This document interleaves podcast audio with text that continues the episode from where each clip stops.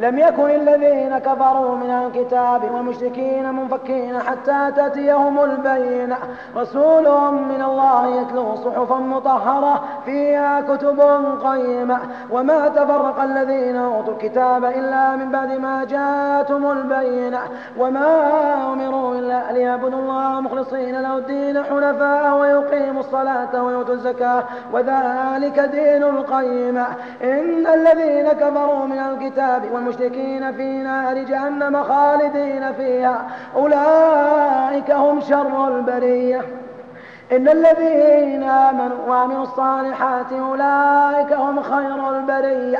جزاؤهم عند ربهم جنات عدن تجري من تحتها الأنهار خالدين فيها أبدا. رضي الله عنهم ورضوا عنه. ذلك لمن خشي ربه.